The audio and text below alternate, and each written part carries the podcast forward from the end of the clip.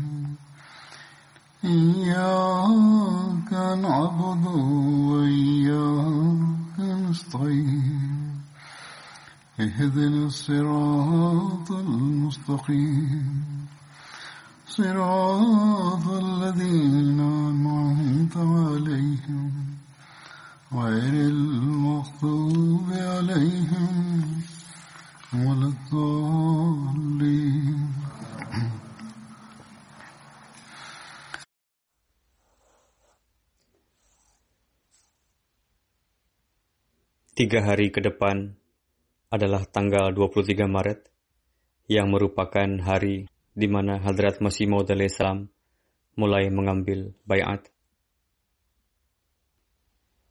Dengan demikian, seiring dengan pendakwaan sebagai Masih Maud secara resmi, berdiri juga Pondasi Jemaat Ahmadiyah.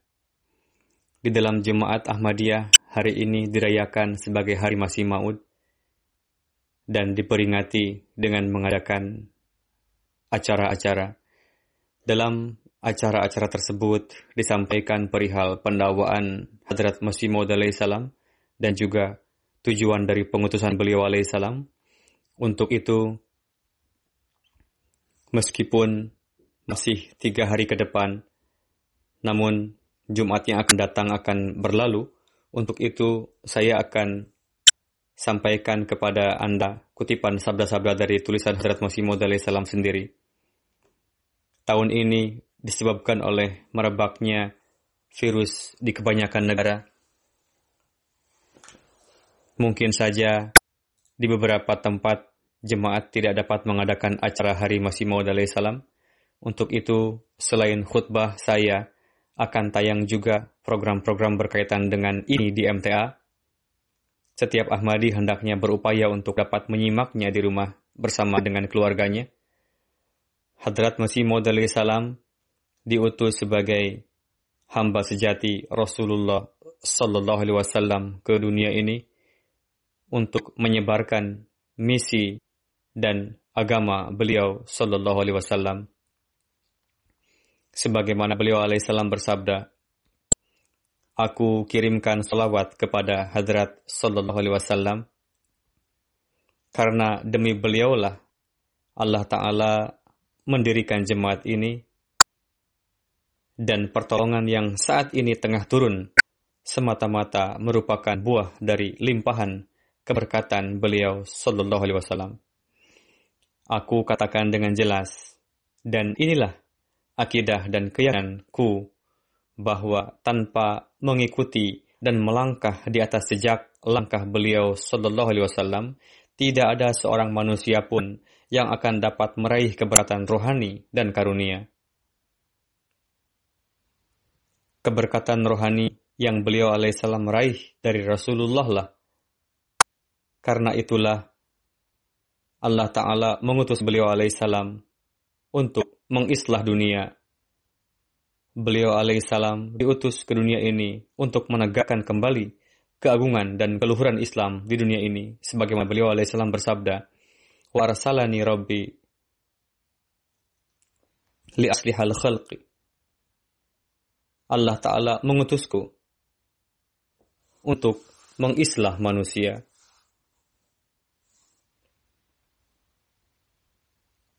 Berkenaan dengan pengutusannya, beliau alaihissalam bersabda lebih lanjut,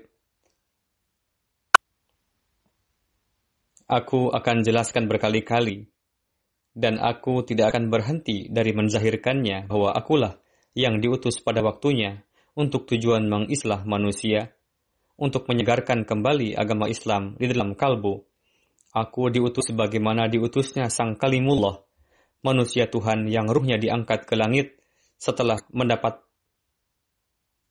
penderitaan pada zaman kekuasaan Raja Herodes. Lalu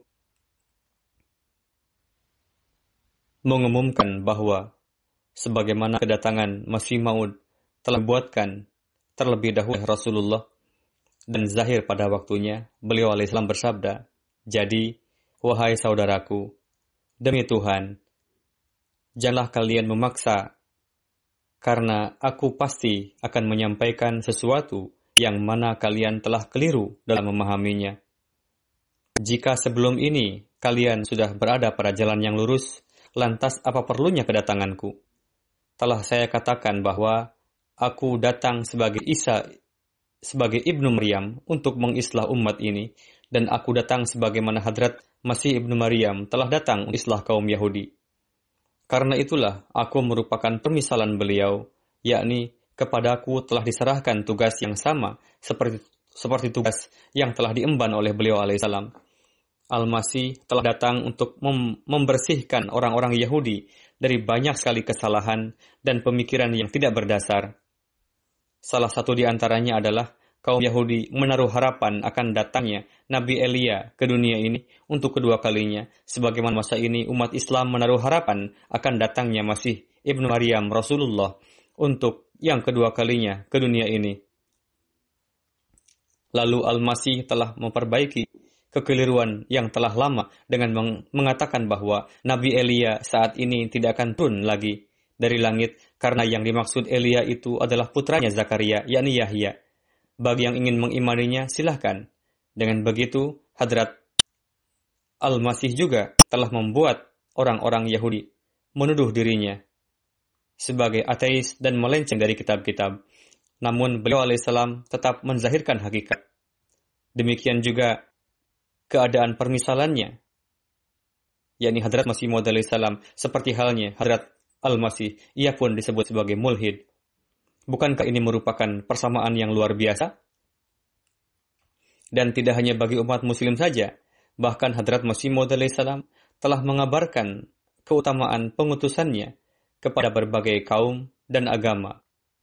Sebagaimana beliau alaihissalam bersabda, perlu diketahui bahwa kedatanganku dari sisi Allah Ta'ala bukanlah hanya untuk mengislah umat Islam saja, bahkan umat Muslim, Hindu, dan Kristen, ketiga kaum tersebut juga.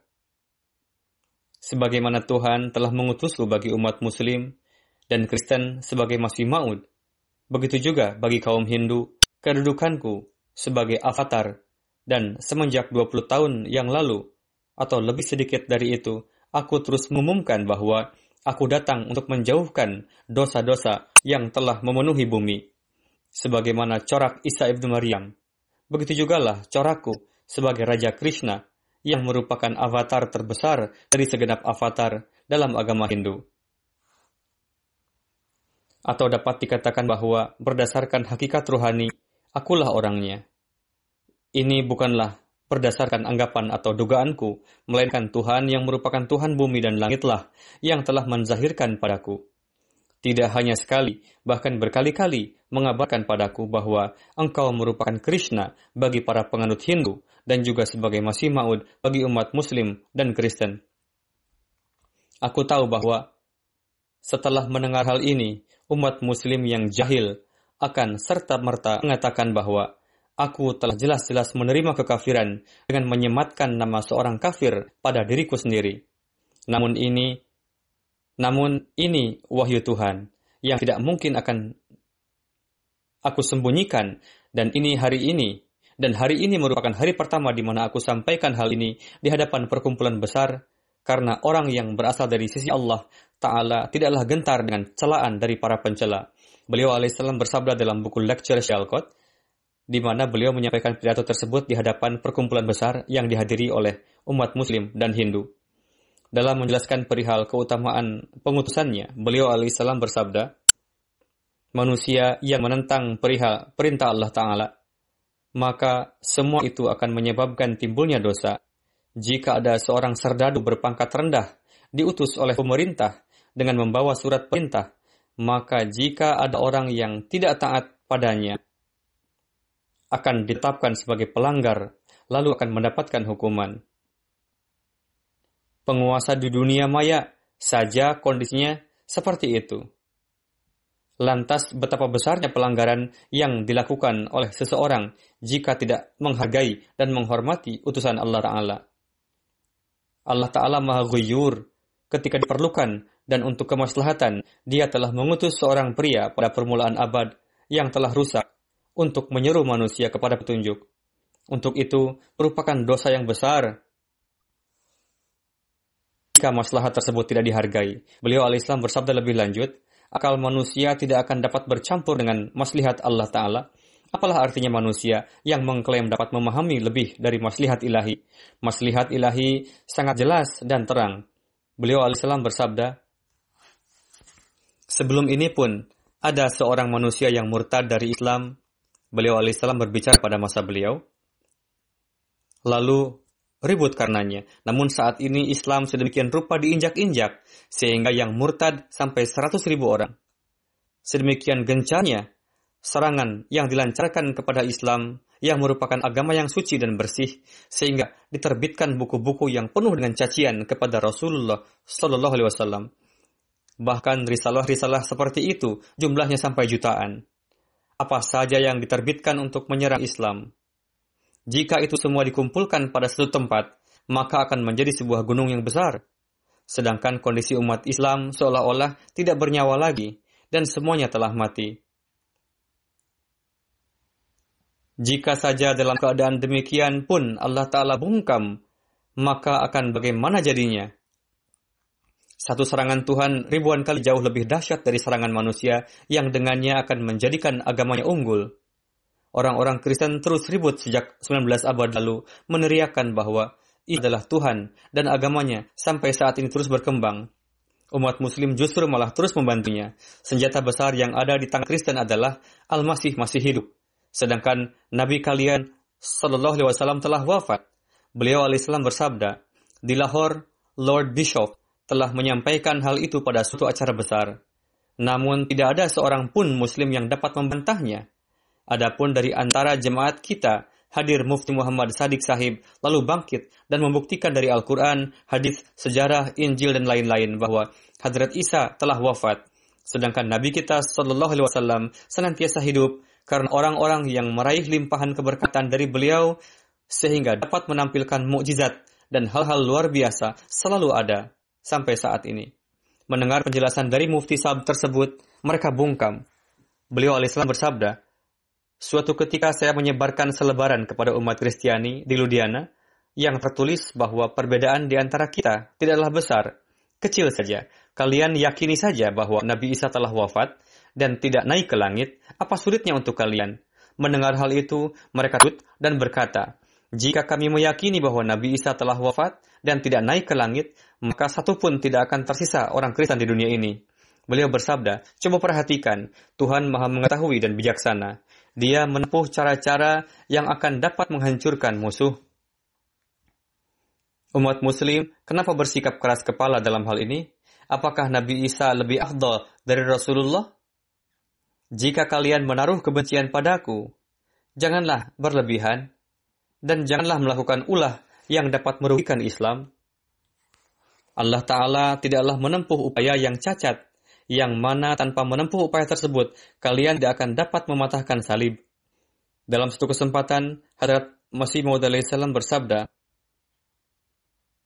Tugas yang untuk tujuan tersebut aku diutus oleh Tuhan adalah untuk dapat menjauhkan kerenggangan yang menjadi penghalang hubungan di antara Tuhan dan manusia, lalu menegakkan kembali kecintaan dan jalinan keikhlasan juga untuk meletakkan pondasi kedamaian dengan mengakhiri peperangan agama melalui penzahiran ke kebenaran.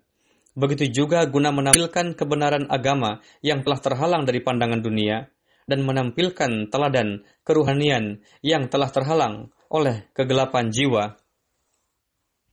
Begitu juga supaya aku jelaskan kualitasnya dengan disertai amalan, tidak hanya ucapan semata, yakni keadaan segenap kekuatan Tuhan yang masuk ke dalam diri manusia, lalu muncul dengan perantaraan tawajuh. Dan terutama untuk menanamkan kembali benih abadi tauhid yang murni dan bersinar, yang bersih dari segala jenis syirik dan kekotoran yang saat ini tengah sirna di dalam kaum. Ini semua tidak akan terlaksana dengan kekuatanku, melainkan dengan kekuatan Tuhan yang merupakan Tuhan bumi dan langit.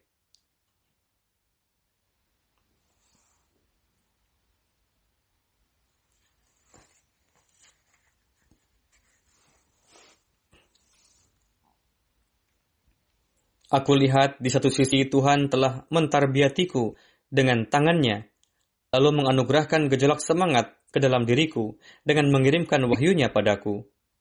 Sehingga aku dapat tegak berdiri untuk melakukan islah seperti itu, dan di sisi lain, dia telah mempersiapkan hati yang bersedia untuk meyakini perkataanku. Saya melihat semenjak Allah Ta'ala mengutusku ke dunia ini, sejak saat itu terus tercipta reformasi agung, ini merupakan pidato Lahore yang beliau sampaikan. Dalam menjelaskan bahwa Allah Ta'ala mengirim utusannya, reformer, dan hamba-hamba yang khas untuk menzahirkan rahmatnya dan menyelamatkan hambanya, beliau alaihissalam bersabda, merupakan sunnah Tuhan semesta alam sejak dahulu, bahwa ketika berbagai macam kekerasan dan penderitaan sudah sampai pada puncaknya. Lalu mengalihkan perhatiannya untuk menjauhkan itu sebagaimana ketika muslim, musim kemarau yang menyebabkan kekeringan dan paceklik sehingga segala urusan manusia semakin sulit. Maka pada akhirnya Allah Ta'ala yang maha penyayang menurunkan hujan. Dan ketika disebabkan oleh wabah, jutaan orang akan menjadi korban jiwa maka untuk menyelamatkannya muncul dalam bentuk udara atau obat penyembuh. Ketika ada yang teraniaya di bawah cengkraman ketidakadilan, maka pada akhirnya lahirlah seorang yang adil dan mendengarkan segala keluhan. Sebagaimana ketika manusia lupa arah jalan menuju Allah Ta'ala dan juga meninggalkan tauhid dan kebenaran, maka Allah Ta'ala mengutus seorang hamba yang telah dibekali dengan basirat sempurna dan dianugerahi dengan kalam dan ilhamnya untuk memberikan petunjuk guna mengislah kerusakan yang telah tercipta. Hakikat sebenarnya dalam hal ini adalah Sang Maha Pemelihara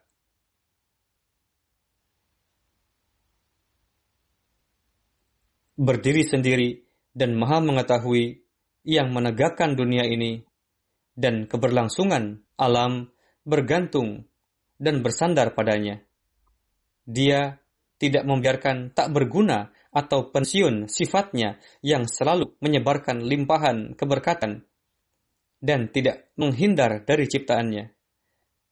Melainkan setiap sifatnya segera tampil pada waktunya.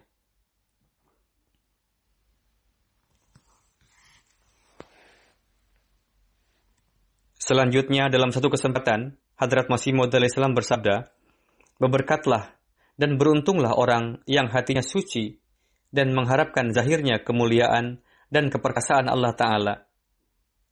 Karena Allah Ta'ala mengutamakannya di atas orang lain, barang siapa yang menentangku, keputusan di antara kami berada di hadapan Allah Ta'ala. Dia mengetahui sepenuhnya hati kami dan mereka dan juga kami dan mereka dan juga menyaksikan hati siapa yang diperuntukkan untuk dunia dan hati siapa yang selalu meratap untuk Allah Ta'ala. Ingatlah dengan sebaik-baiknya bahwa kerohanian tidak akan pernah meningkat sebelum hati menjadi suci. Ketika timbul kesucian dan kebersihan dalam hati, maka akan timbul kekuatan dan potensi yang khas untuk terjadi peningkatan di dalamnya. Lalu baginya tersedia berbagai macam sarana sehingga mengalami kemajuan. Coba perhatikan hadrat Rasulullah Sallallahu Alaihi Wasallam Beliau sama sekali sendiri saat itu, lalu mendakwakan ke, ke dalam keadaan yang tidak berdaya seperti itu. Ya ayuhan nasu inni Rasulullah ilaikum. Siapa dapat beranggapan pada saat itu bahwa pendakwaan orang yang sebatang kara itu akan berhasil? Bersamaan dengan itu, begitu dahsyatnya penderitaan yang beliau alami, sehingga seperseribunya pun kita tidak merasakannya. Selanjutnya Hadrat Masih salam memberikan nasihat kepada dunia. Beliau bersabda, Nasihat terakhir kami adalah, Waspadalah akan keimanan kalian. Jangan sampai kalian takabur dan memperlihatkan ketidakpedulian sehingga ditetapkan sebagai pembangkang dalam pandangan Tuhan yang Maha Kuasa.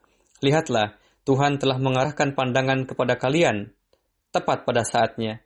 Untuk itu, berusahalah supaya kalian menjadi pewaris segenap kemuliaan. Tuhan telah menyaksikan dari langit, yakni barang siapa yang telah dianugerahi kemuliaan, ia akan dianiaya. Dan sang Rasul yang merupakan wujud paripurna, dicaci maki. Ia dianggap sebagai penjahat, pendusta, dan mengada-adakan kedustaan. Begitu juga firman-Nya, yakni Al-Quran disebut dengan sebutan yang buruk dan dianggap sebagai buatan manusia. Dia telah mengingat janjinya.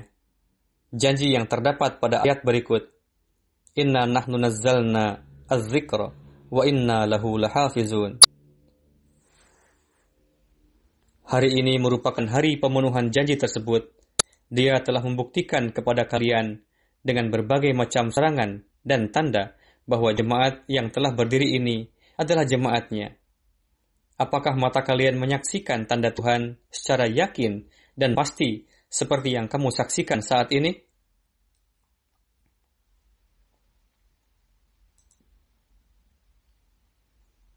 Seperti halnya pegulat, Tuhan telah bertarung dengan kaum-kaum lain untuk kalian dan meraih kemenangan atas mereka.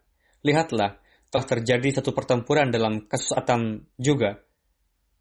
Coba kalian cari di mana keberadaan Atam saat ini. Dengarlah bahwa saat ini Atam berada di dalam tanah sesuai dengan syarat yang terdapat dalam ilham Atam. Dalam ilham, Atam telah ditinggalkan beberapa hari dan juga berdasarkan syarat yang terdapat dalam ilham, Adham telah ditangkap. Pertempuran kedua adalah pada kasus Lekram. Renungkanlah bagaimana Allah unggul dalam pertempuran ini. Kalian telah menyaksikan dengan mata kepala sendiri sebagaimana tanda-tanda kematiannya telah ditetapkan dalam nubuatan ilhami sejak sebelumnya. Seperti itulah seluruh alamat ini tergenapi. Tanda Tuhan yang dahsyat telah menimbulkan jeritan tangis bagi kaum. Apakah kalian pernah melihat sebelum sebelum ini yakni di antara kalian dan lawan kalian zahir tanda Tuhan yang dahsyat? Wahai keturunan umat muslim, jangan bersikap lancang akan perbuatan Allah Ta'ala. Pertempuran ketiga adalah perkumpulan Mahusu. Lihatlah, dalam pertempuran ini pun Tuhan telah mengunggulkan Islam dan memperlihatkan tandanya kepada kalian. Dan sebelum itu terjadi, Tuhan telah menjanjikan kepada hambanya bahwa makalahnya lah yang akan unggul. Dan seperti itulah yang Allah telah tampilkan.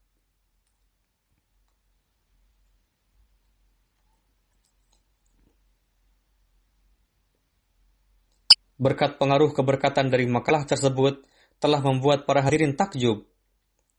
Apakah ini perbuatan Tuhan atau wujud yang lainnya?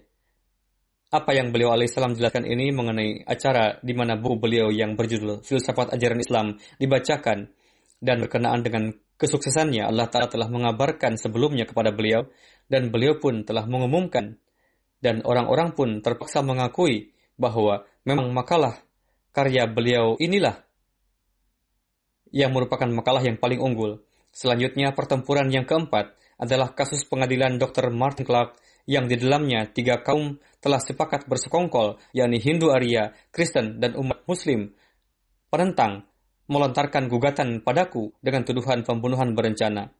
Sejak sebelumnya Allah Ta'ala telah kabarkan kepada beliau bahwa mereka akan gagal dalam rencananya.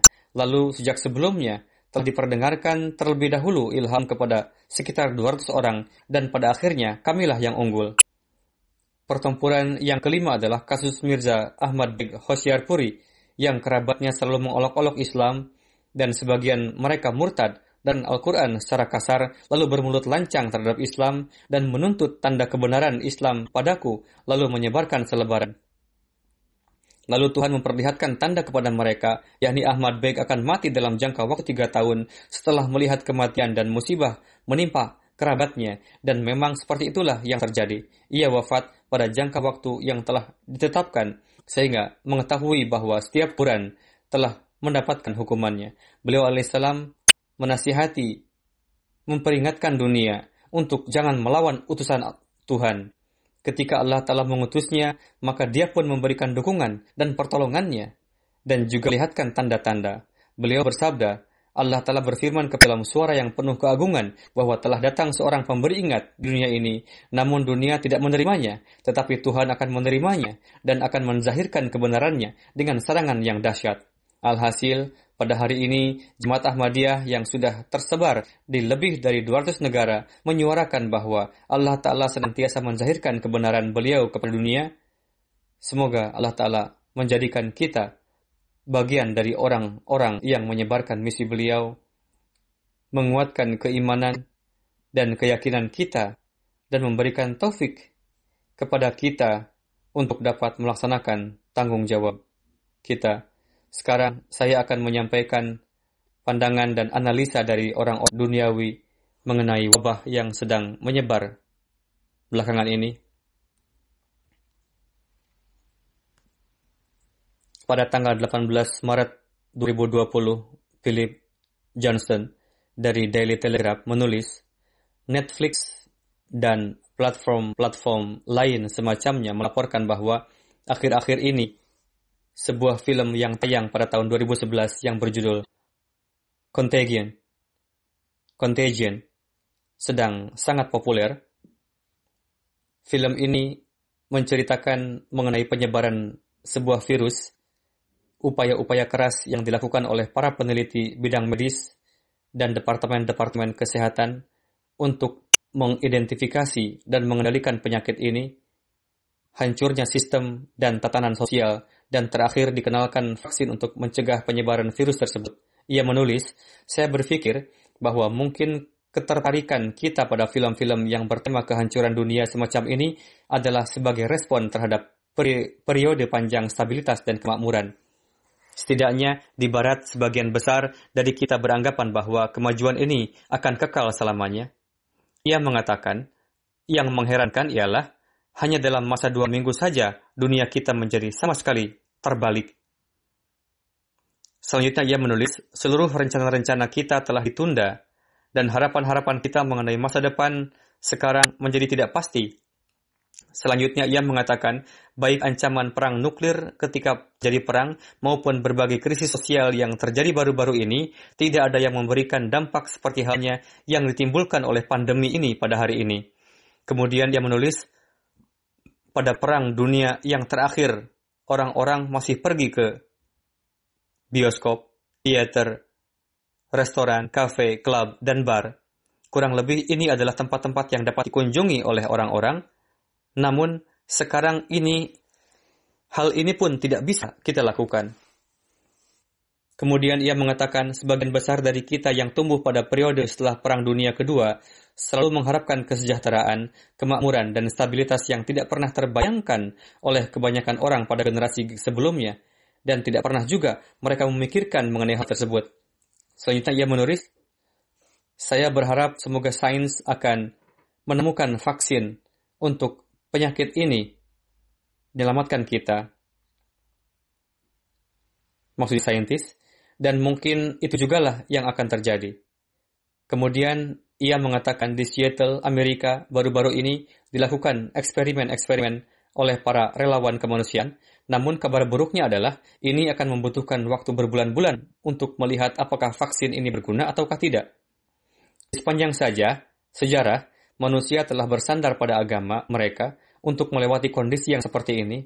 Dalam sejarah di masa lampau, jika kondisi berbahaya seperti ini terjadi, maka orang-orang akan berlindung pada keimanan mereka. Kembali kepada Allah Ta'ala, sehingga mereka bisa mengambil hikmah dari apa yang terjadi kepada mereka dan orang-orang yang mereka cintai. Selanjutnya, ia menulis orang-orang ateis pada kesempatan-kesempatan yang seperti ini untuk menenangkan diri mereka sendiri selalu cenderung pada pandangan humanisme sekuler mereka Pada dasarnya, ini adalah sebuah konsep pencerahan yang biasa dikemukakan oleh orang-orang ateis bahwa proses alam selalu bisa diperbaiki oleh upaya-upaya manusia dan tidak perlu menghubungkannya dengan takdir atau kemarahan Tuhan.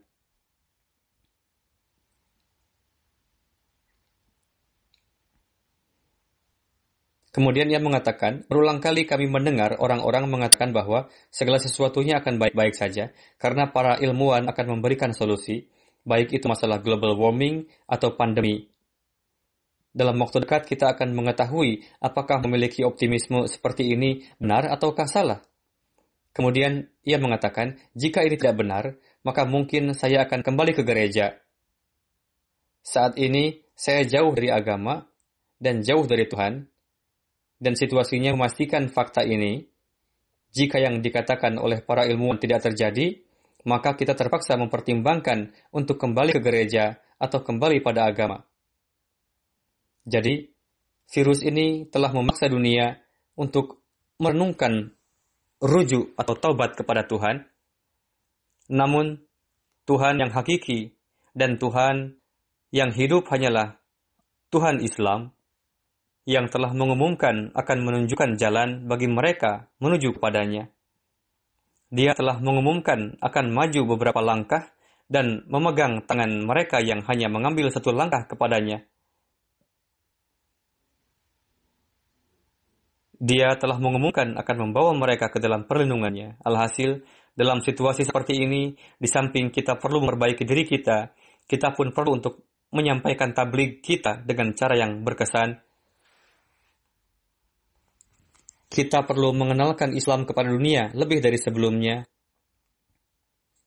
Para Ahmadi harus berusaha untuk memberitahu kepada dunia bahwa jika kalian menginginkan keselamatan kalian, maka kenalilah Tuhan yang telah menciptakan kalian.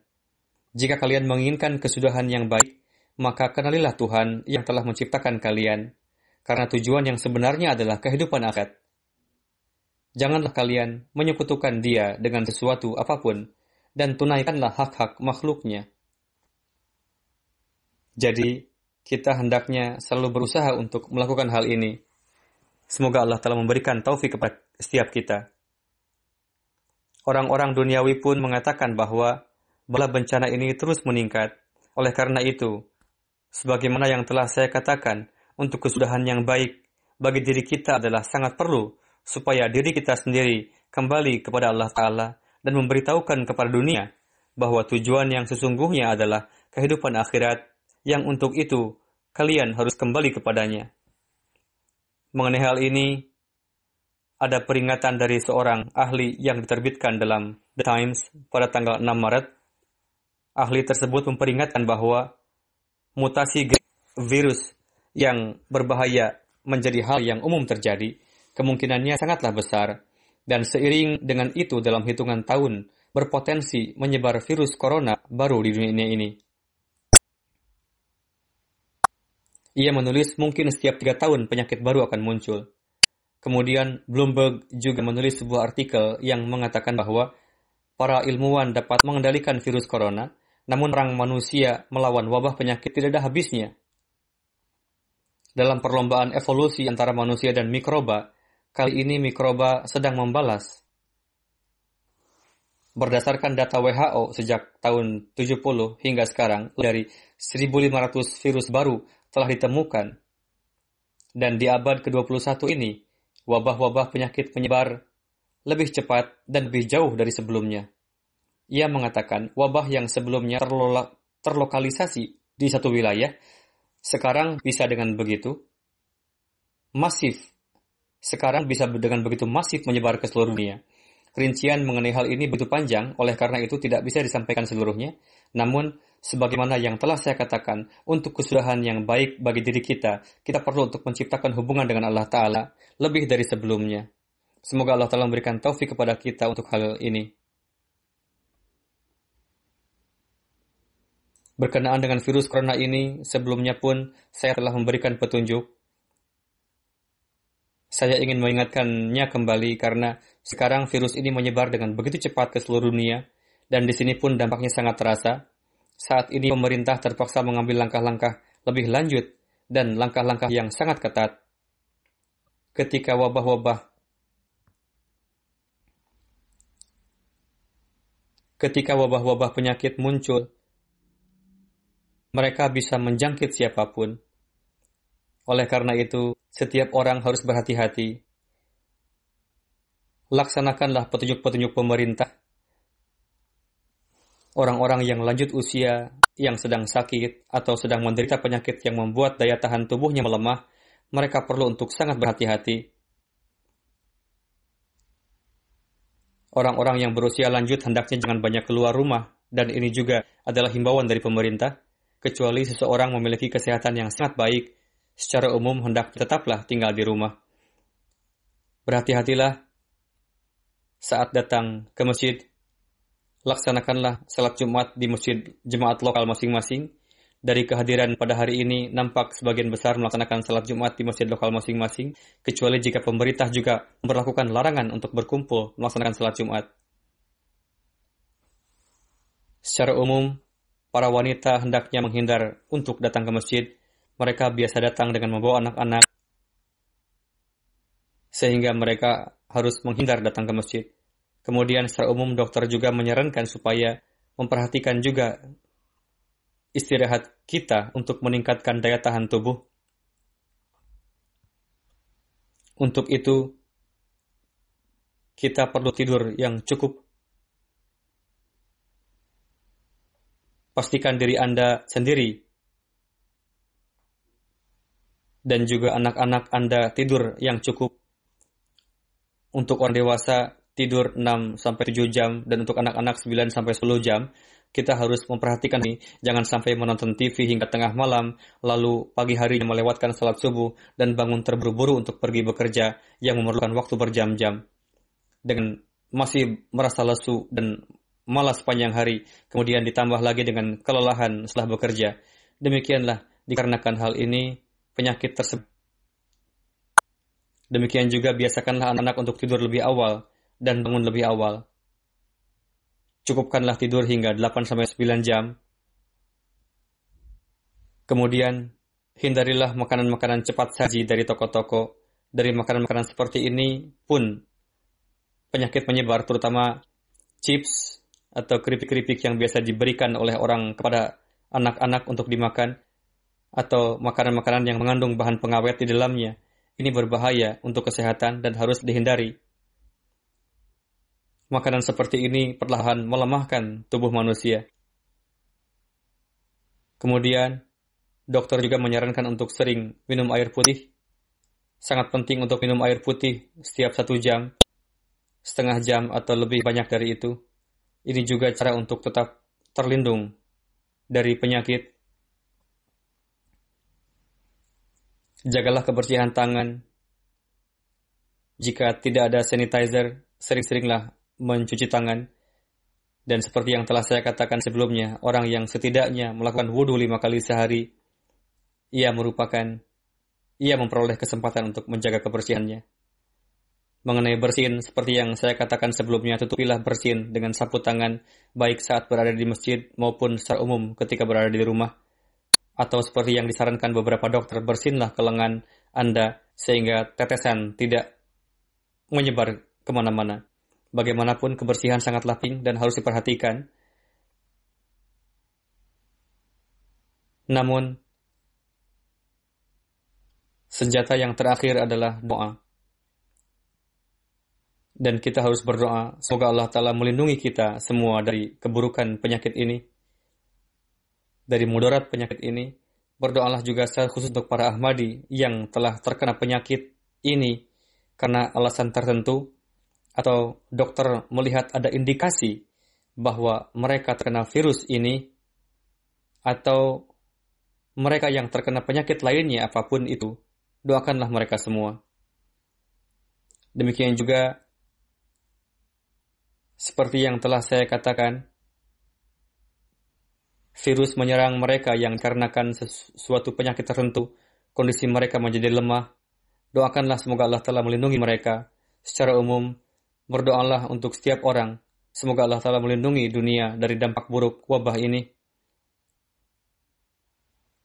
Semoga dia memberikan kesehatan yang sempurna kepada semua orang yang sakit dan seiring dengan memberikan kesehatan kepada setiap Ahmadi juga memberikan taufik kepada mereka untuk dapat terus meningkat dalam keimanan dan keyakinannya.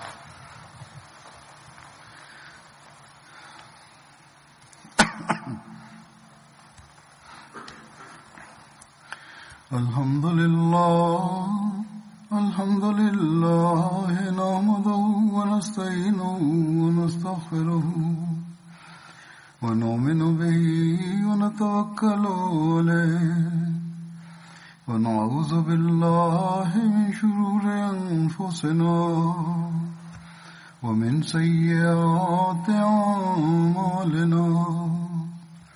من يهده الله فلا مضل له ومن يضلله فلا هادي له. ونشهد أن لا إله إلا الله ونشهد أن محمدا عبده ورسوله.